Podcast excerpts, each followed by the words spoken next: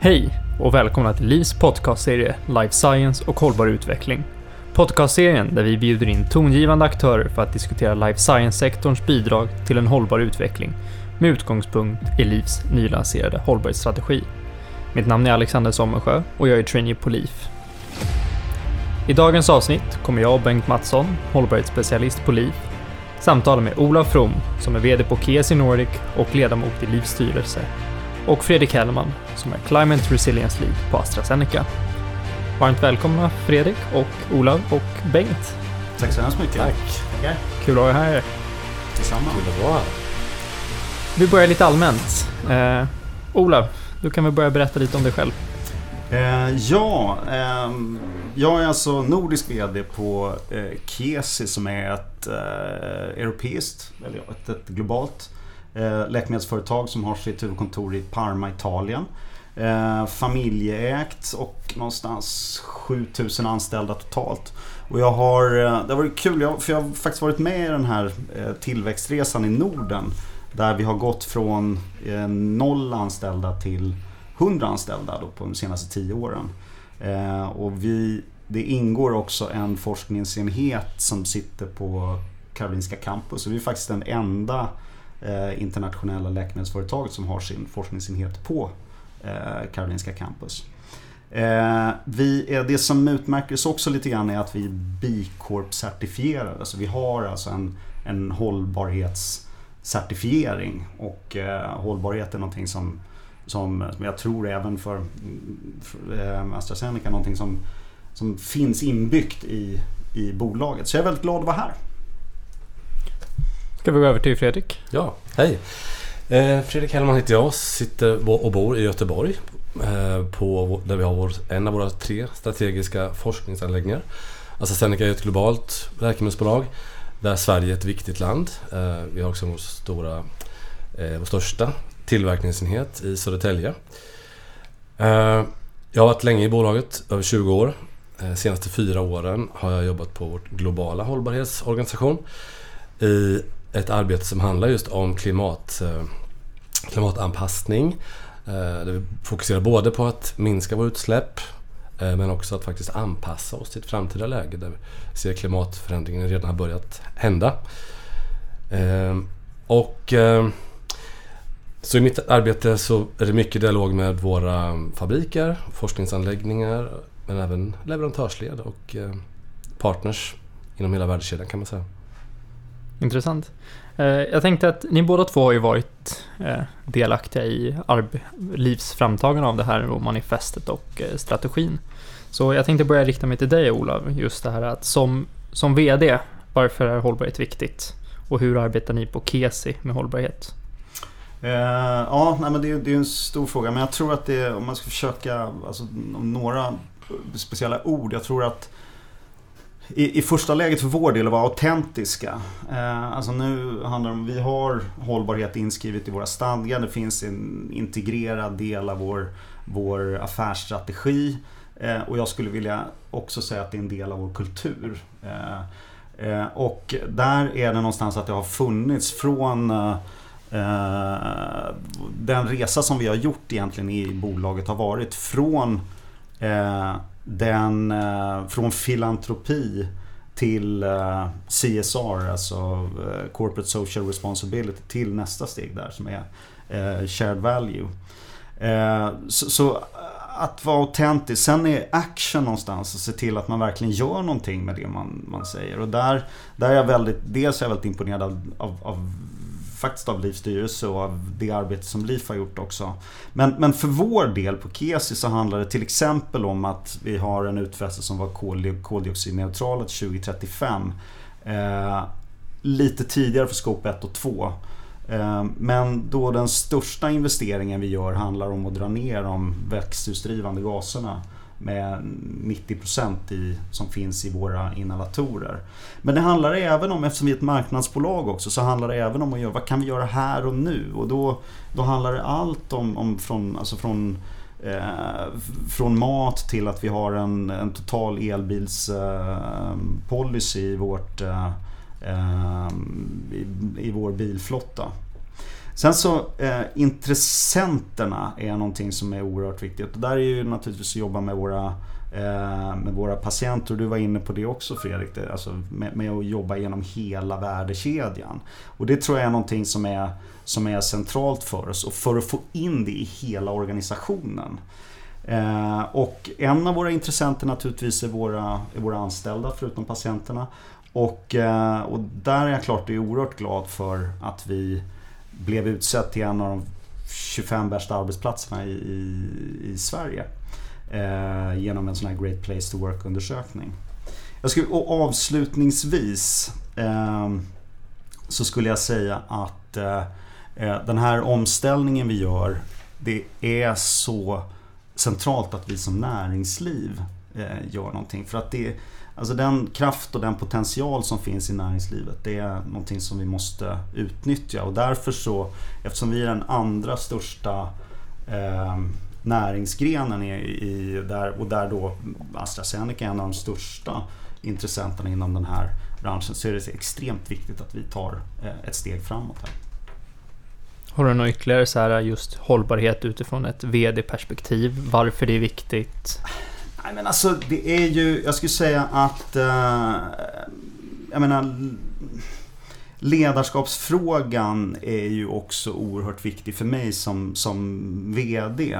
Och uh, om man arbetar med dels så arbetar vi inom en bransch som är på något vis, den är per se så är den faktiskt hållbar. Det tredje målet i, i Agenda 2030 handlar om bättre hälsa och bättre Eh, livskvalitet för, för, ehm, för befolkningen. Men eh, det, hållbarhet har också någonstans ett högre, ett högre, kännas som ett högre syfte. Eh, och det tillsammans med att om man kan bidra kring engagemang kring sina eller hos sina medarbetare, för det gör hållbarhet. Eh, och om man dessutom arbetar eh, med att försöka ha en kultur i organisationen som man även har som är även förtroendeskapande och eh, som är att man, har, att man har högt i tak, att man ser till att ta hand om sina medarbetare. Om man, om man gör det här så leder det eh, till resultat för att eh, för engagemang och förtroende är de två faktorer som, som, som bäst driver resultat. Så att det är ju det, det, är, det är en oerhört central del. Och för mig som VD och i ledningsgruppen så är det oerhört viktigt att arbeta med de här delarna. Inte delegera ut det till, till någon annan i organisationen. Det är viktigt att vi har det. Och det gör att vi, det låter lite klyschigt kanske, men att vi, alltså målsättningen att vara, alltså inte nödvändigtvis vara bäst i världen utan bäst för världen. Innan vi går över till eh, dig Fredrik så tänkte jag att Bengt, för våra lyssnares skull, har du lust att bara förklara lite snabbt vad ett marknadsbolag är? För Ola nämnde ju det tidigare här. Ja, det, det gör jag gärna. Och eh, Livs medlemmar är ju naturligtvis de här svenska aktiebolagen. Och eh, eh som ganska ofta då tillhör globala eh, stora koncerner. Så eh, när vi säger marknadsbolag så menar vi ofta då de här svenska aktiebolagen eller dotterbolagen till de globala aktörerna som marknadsför läkemedel i Sverige. Där har ofta då namnet marknadsbolag. Och, eh, det, det manifest, den hållbarhetsstrategi som vi har tagit fram gäller ju liksom för LIF och dess medlemsföretag, vilket då är de här aktiebolagen eller marknadsbolagen här i Sverige. Eh, och vi lyfter ju fram det rätt tydligt tycker jag ändå i vårt manifest och, och strategin att, att eh, Formellt så är det ju åtaganden för LIF och dess medlemsföretag men de här medlemsföretagen bedriver naturligtvis mycket verksamhet som direkt eller indirekt naturligtvis även påverkar utanför Sveriges gränser. Stort tack! Fredrik, eh, AstraZeneca är ju definitivt ett bolag man skulle beskriva som, är ett, som har väldigt höga ambitioner, eh, mål. Eh, och ni har, ni har ju till exempel då Science Based Target Initiative, där ni är en väldigt drivande aktör och mm. ni har ju även ert Ambition Zero Carbon. Har du lust att berätta lite där om just mm. det? Gärna. Och eh, jag skulle också börja som Ola sa här att vår hållbarhetsstrategi är väldigt väl förankrad på, på högsta nivå och är väldigt inbyggt i vår, vår övergripande strategi. Där vi har tydligt starkt stöd från både styrelse och VD-nivå. Så det, det, är någonting som, som jag, man kan inte värdesätta nog att, att, att det är på det sättet. Och ett gott stöd för hela arbetet och en förutsättning skulle jag säga. Eh, vår strategi är också tredelad. Det, det första handlar om att vi ska ha tillgång till läkemedel.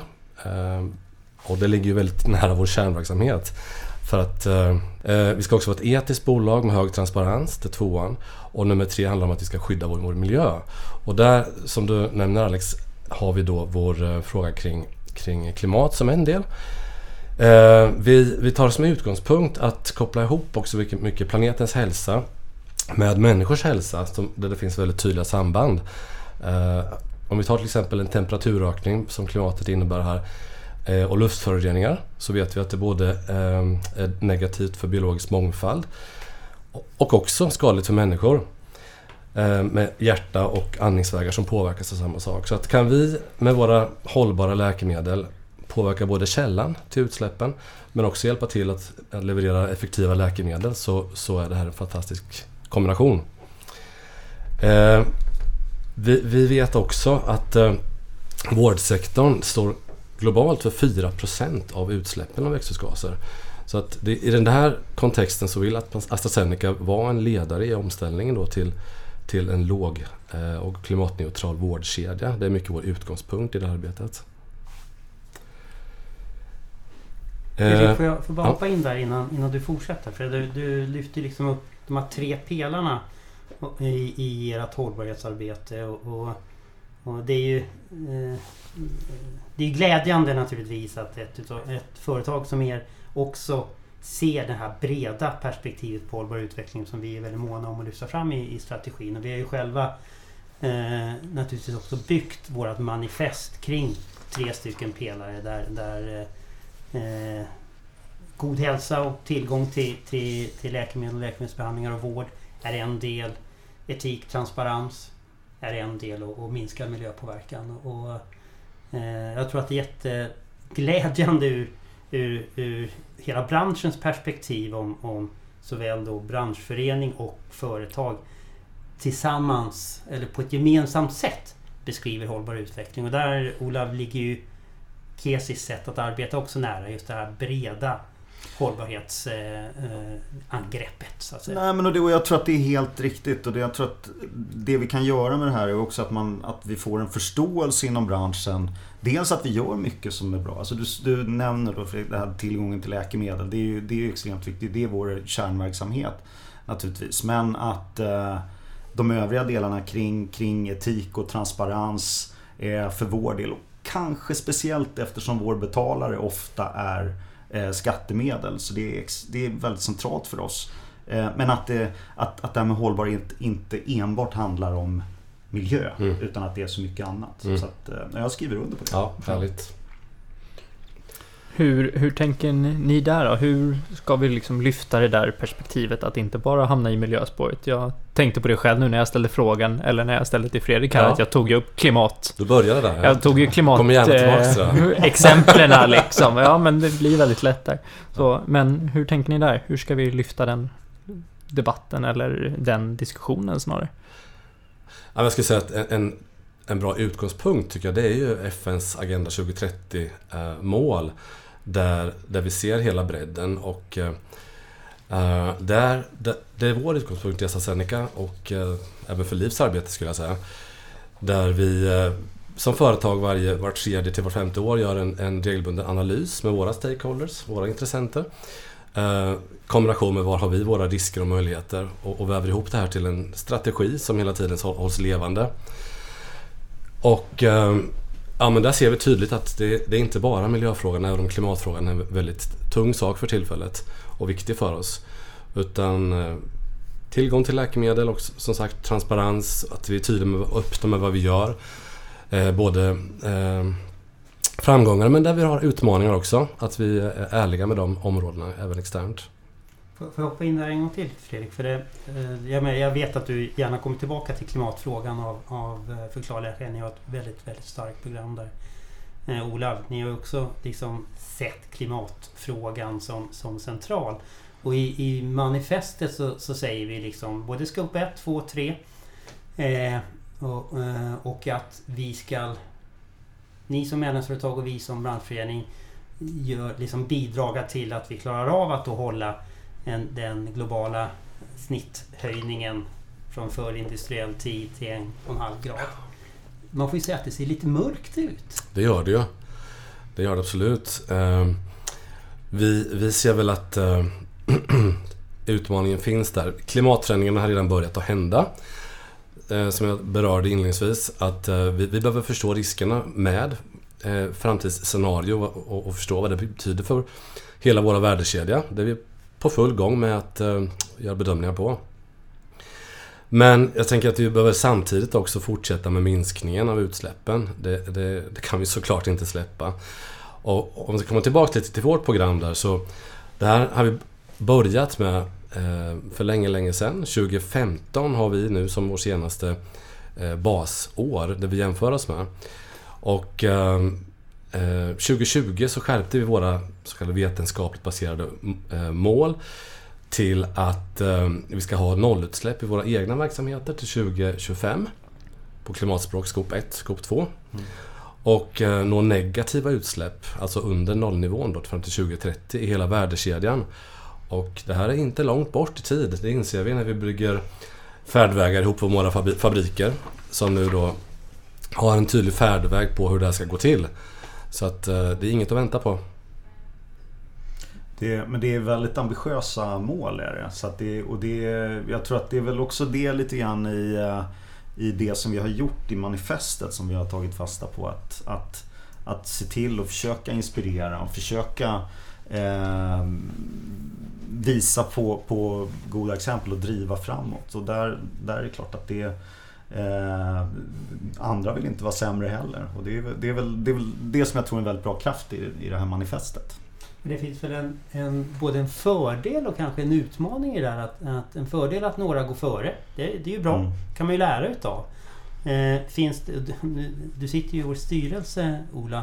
Finns det liksom en risk att det blir någon, någon slags eh, negativ konkurrensstämning också? Att, att det skulle funnits krafter i, i branschen på något vis som inte vill att, att vi ska vara allt för för eh, ambitiösa i våra målsättningar just för, för Alltså det är ju olika förutsättningar, olika kraft och kanske till och med i de olika bolagen olika intressen om vi ska vara ärliga. Liksom. Hur kände du när du jobbade med strategi? Nej men jag tror att det var lite grann och, och nu hade jag förmånen att få dra det här i, eh, i, eh, i styrelsen och eh, dels så, så hade jag ett väldigt bra stöd i den, den strategi som fanns redan från början och så som vi också tog, tog fram i de här, de här så kallade Key Focus Areas som styrelsen jobbar med väldigt liksom, systematiskt. Eh, men sen även bland, eh, bland de som övriga som sitter med i styrelsen så var det Det är klart att det var diskussioner kring en del saker men, men aldrig på, på ett övergripande plan. Eh, och, och jag tycker också att den struktur som vi har fått fram är en bra en bra utgångspunkt för att jobba vidare. Och det sista jag skulle säga där är också att just vad det gäller en, en generositet som finns i också mellan bolagen. Det är väl klart att man det är väl klart att vi konkurrerar i många olika fall. Men, men här, är det, här är det så uppenbart att vi som bransch kan vinna på det och att, att hela samhället kan, eh, kan vinna på det arbete som vi gör. Så att, nej, det har varit väldigt, väldigt positivt skulle jag säga. Om jag får fylla på Ola så skulle jag säga att eh, jag håller helt med dig och att eh, det är till och med partnerskap och samarbete är en förutsättning för att vi som enskilt bolag ska, ska lyckas. Eh, jag menar vi har väldigt gemensamma leverantörsled om vi tittar globalt. Där eh, vi är en del av ett initiativ som heter Energize på global nivå. Eh, långt från ensamma i det, men där vi tillsammans försöker att skapa nya resurser av förnyelsebar energi i, delar av världen där det idag är svårt att få till det här. Sverige ligger bra till och är tidigt ute men många delar av världen är det inte så. Och där eh, skulle vi aldrig klara att göra det här själva utan tillsammans är verkligen nyckelord där. Nej, och det är hela det cykliska tänkandet där också. Där är vi, vi är ju ändå så pass stora tillsammans också som bransch att vi kan faktiskt påverka eh, både vad man då säger som på klimatspråk, både upstream och downstream. Eh, och eh, i hela i hela värdekedjan och där kan vi sätta press på. Och, då, och, och dels sätta press på, men jag skulle också säga att vi kan samarbeta. Eh, vi har något som heter Code of Interdependence och eh, ett, ett exempel var i samband med en, eh, eh, en distributör i ett av de nordiska länderna att vi, eh, vi ställde som eh, i, när vi skrev eh, när vi skrev avtalet så, så ställde vi eh, krav, eller att vi skulle samarbeta kring hur vi skulle arbeta med eh, hur vi skulle mäta växthusgaser och så vidare. Eh, och de var väldigt liksom, glada och tacksamma för det. Och det är, den, liksom, det, är det man vill eh, uppnå i, eh, i samarbeten med eh, leverantörskedjorna. Mm. Ja, snyggt. Innan Alex, du går säkert vidare med, med, med liksom ytterligare fråga till våra gäster. Men bara innan, innan du gör det. Påtala, eller påminna eh, lyssnarna om att ni pratar ju fler nu om samverkan och, och, och interdependence och sådär. Att, att eh, i nästa avsnitt utav podden sen då så, så eh, tittar vi ju på, på våra, två utav våra samarbetspartner då, då ganska betydande sådana. Representant för, från regionsidan respektive representant ifrån, från Apoteksföreningen. Viktiga samarbetspartner för oss naturligtvis. Så, så utöver då att jobba internt med varandra i, i sektorn så måste vi, precis som ni båda påpekar naturligtvis, även ta hjälp av och hjälpa en mängd andra intressenter. Vi kommer tillbaka till det externa intressentperspektivet så att säga i nästa avsnitt. Mm. Och där tror jag det är, om jag får bryta in där, så är det så extremt viktigt med de intressenterna. Och ett exempel på för, för vår del är att vi har också en alltså någon sån Sustainability Advisory Board där vi har tagit in flera av de här intressenterna för att höra vad de, eh, vad de säger. Och det, jag tror att det är så oerhört viktigt för att ibland har vi faktiskt mål som, är, eh, som inte är riktigt samma. Eh, och det gör att vi måste någonstans kompromissa, vi måste ha deras, eh, deras eh, någonstans ingångsvärden för att kunna för att kunna göra på rätt sätt. Och, och, kan, man ha en, kan man ha en samverkan på ett tidigt stadium så tror jag att man har en så betydligt mycket större möjligheter att kunna nå, eh, nå ett bra resultat i slutändan. Mm. Ja men verkligen. Och det är lite där jag kommer in på nästa fråga till dig då Olav. Liksom, att hur har styrelsens arbete med, liksom, framförallt om manifestet, hur har den sett ut? Och om du tar, ger oss en tillbakablick på hur styrelsen har arbetat med hållbarhet tidigare eller hur man har sett på hållbarhet och hur det utvecklats? Alltså jag, jag, är ganska, jag är ganska fräsch i det här sammanhanget. Eh, inte i så många andra sammanhang, just det här är det. eh, och, eh, så att jag, eh, så att, men det var väl direkt när jag kom, kom in där. Vi, vi, jag var med och jobbade eh, i en grupp som jobbade med var, eh, kring valet 2022, var LIF Eh, Eh, hur LIF skulle agera där. Och, eh, eh, och i samband med det så kom hållbarhetsfrågan upp och också ska vi säga vi blev påhejad av flera i, i, på kansliet också och kände att det fanns en, en möjlighet här. Och så att i samråd med dels med, med styrelsen naturligtvis och där jag har varit med och tagit fram några, några förslag och, eh, och sen också fått, fått hjälp från Bengt. Har ju, du har varit med ganska länge i den här eh, branschen. Ja, där är inte jag heller fräsch. Det är riktigt. nej, nej, nej, men det... det äh, ja, vi ska inte säga något mer om det. Men i alla fall, det, det, det, du har ju varit med så tillvida att du vet någonstans vad som, vad som funkar och inte funkar och vad som är viktigt. Och, och, det, och det har varit ett ganska bra bollplank för min del också för att kunna... Vilka frågor är rimliga att driva och vilka är det, eh, är det kanske inte?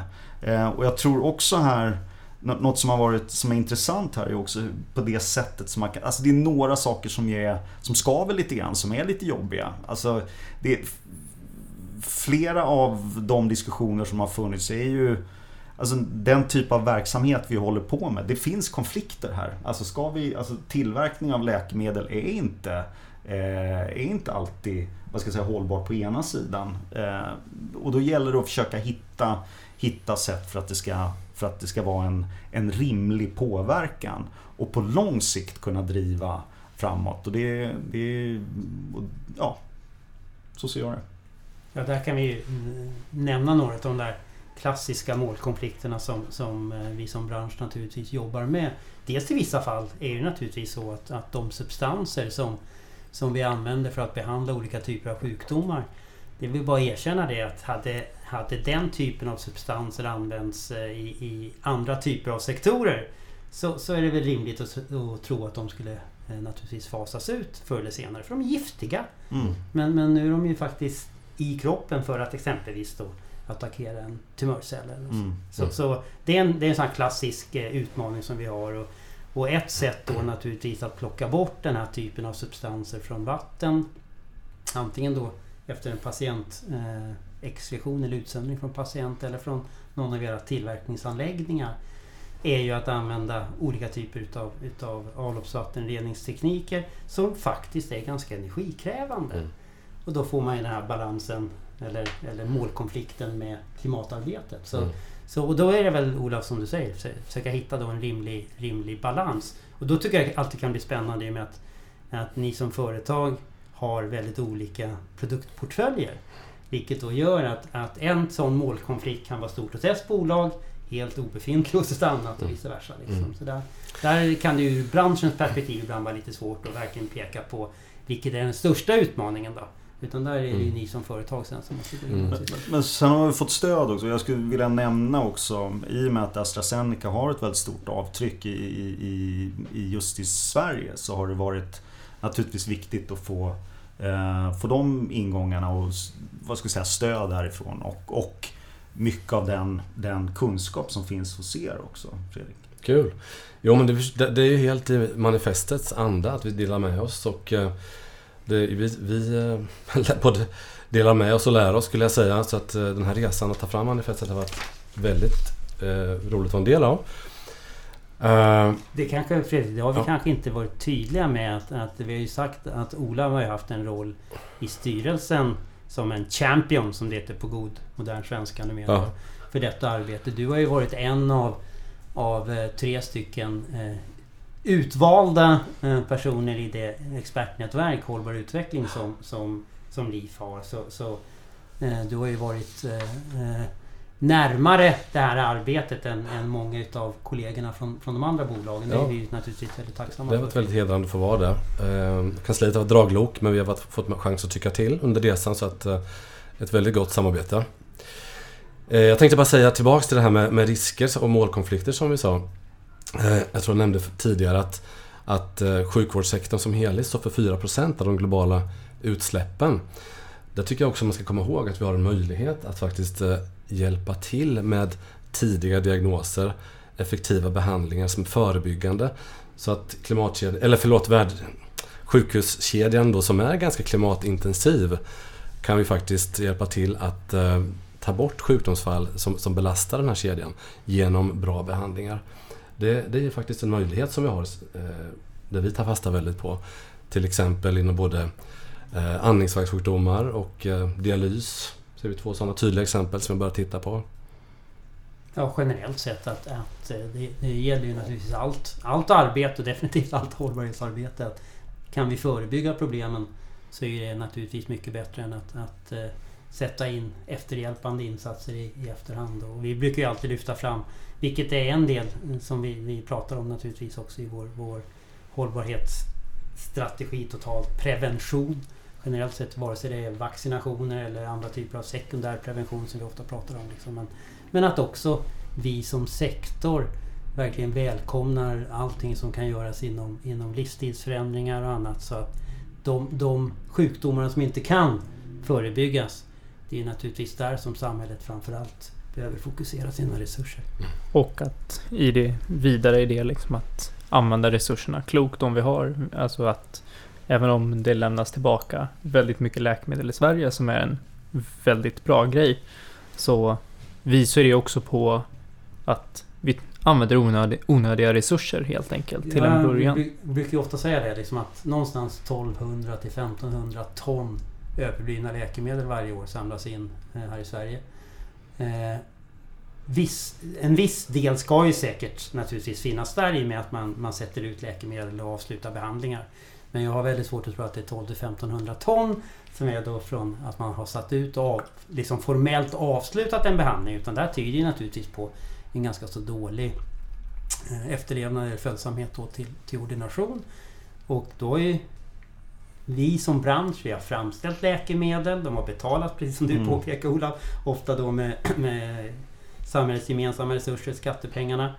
Eh, de har sen då inte inmundigats av patient eh, som det var tänkt.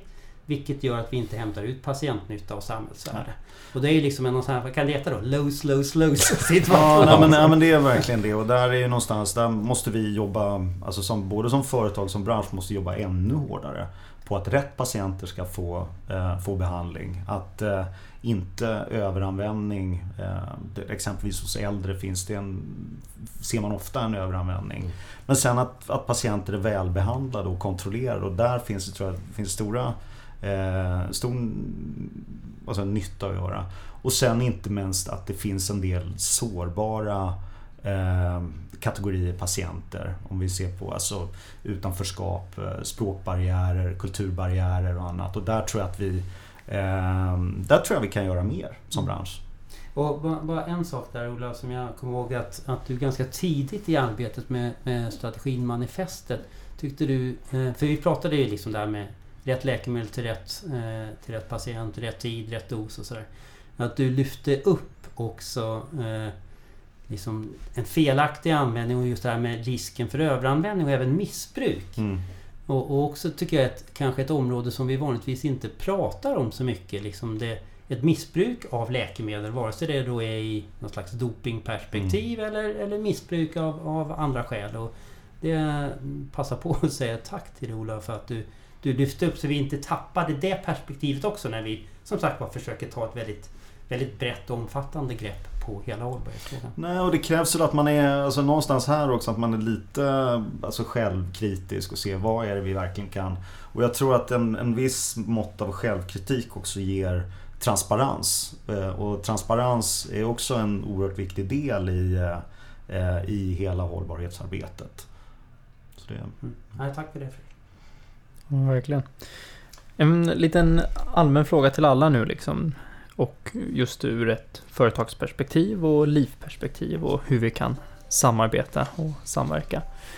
Hur, hur ska vi ta, vad är vägen framåt nu med manifestet, strategin? Hur ska vi, hur får vi mest impact?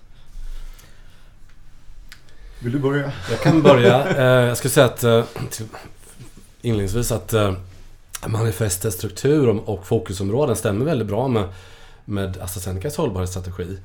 Eh, vi, så att eh, många av de områden som vi har prioriterat i, i manifestet har vi eh, mål och handlingsplaner sjösatta.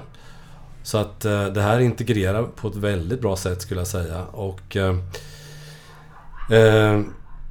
arbetet liksom, det, det här är väl integrerat i vår, vårt, vår governance-struktur så att Eh, ut i linjerna, fabrikerna och eh, få färdvägarna att hända liksom. Det är det som behöver fortsätta göra. Eh, är det så... Jag kan titta på, på just klimatfrågan igen. Så kan jag säga att sen vårt basår 2015 så har vi minskat våra utsläpp med 60% globalt i det här scope 1 och 2. Och i Sverige där vi har extra bra förutsättningar med infrastruktur och Sveriges satsningar på, på omställning och förnyelsebart så har vi kommit upp i över 95 procent. Men eh, det är mycket kvar att göra. Många av, av fabrikernas färdvägar är, eh, ska, ska satsas på och, och förverkliga nu för att nå målen. Eh, vi har fått en miljard US-dollar att förverkliga det här, vilket är fantastiskt. Men också en förutsättning för att vi ska lyckas. Spännande. Nej, men, och där är ju, jag kan egentligen bara hålla med där också att eh, det här ligger helt i linje med vår långsiktiga strategi. Eh, och eh, eh den, den uppdelningen, dels att vi är, har en sån här B Corp-certifiering, det vill säga så att det är en, en oberoende part som, eh, eh, som där för övrigt idag faktiskt så ska vi ha den eh, den certifieringen ska gås igenom med, med revisorer från eh, utomstående för att få, få den på nytt. Så att det, men, men det jag skulle, om vi ser på vägen framåt så ser jag också att det här är ju en helt nödvändig samhällsomställning. Och, men jag ser det här också som ett pedagogiskt verktyg i väldigt stor utsträckning för att kunna för att, för att förklara, nu är ju kanske du och jag har jobbat med det här lite, kanske lite längre tid. Men det är inte alla som har det och då har man det här, tycker jag, som en väldigt, ett väldigt enkelt eh, arbetssätt för att kunna förankra det här i organisationen. Vad är hållbarhet? Det är inte bara, det är inte bara miljöpåverkan utan det är, det är betydligt bredare. Och det är helt relevant för våra medlemsföretag i och med att det är eh, alltså alla våra intressenter förhåller sig till Agenda 2030. Mm. Därför är det helt nödvändigt att vi gör det. Annars skulle vi, eh, annars skulle vi halka efter i väldigt stor utsträckning. Så att, eh, och, och, och omvärlden förändras också eh, i väldigt stor utsträckning nu. Vilket gör att eh, inte minst alltså de, de eh, initiativ som finns på, på EU-nivå och även som kommer att komma eh, lokalt Alltså gör inte vi någonting så kommer inte vi hinna med. Utan vi, det, det, det, det är ett måste någonstans. Eh, och sen det som jag ser om vi ska kunna attrahera nya eh, talanger, alltså nya medarbetare. Eh, det är klart att de, de väljer ju hellre ett, ett, ett, ett företag eller en bransch som är hållbar än en som inte är det. Och där tror jag för, för, för min del i alla fall, det är definitivt en sån här eh, vad heter det? EVP, Employer Value Proposition som det så mm. fint heter. Det vill säga att vi, vi har en möjlighet att eh, eh, nej, men ha en bättre konkurrensfördel än, än en del andra. Mm. Och, och, och det, det, det, är viktigt för oss. Kanske framförallt som, eh, som en något mindre spelare i eh, i Norden mm. så, så, är det, så är det centralt. Mm. Om jag försöker ur branschföreningens perspektiv besvara din fråga Alex. Så, så eh, eh, nu har vi ju besök här idag i podden av två bolag som, precis som du pekar på Ola, har liksom kommit långt. Jag hoppas ju att, att eh, naturligtvis att ni inspirerar andra medlemsföretag. Jag hoppas att, att eh, ni och många andra då utav våra medlemsföretag verkligen lever upp till den här förväntan som vi har att, att eh, alla ska med, att hjälpa varandra och, och stödja varandra i det arbetet. Eh, vi kommer behöva naturligtvis göra en mängd olika eh, utbildningsinsatser.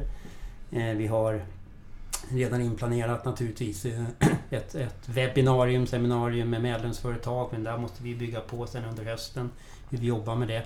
Men jag tror också att en väldigt, väldigt viktig roll hur vi går vidare från, från branschföreningens perspektiv. Ja, men ni jobbar ju redan idag med era koncernkontor, huvudkontoren.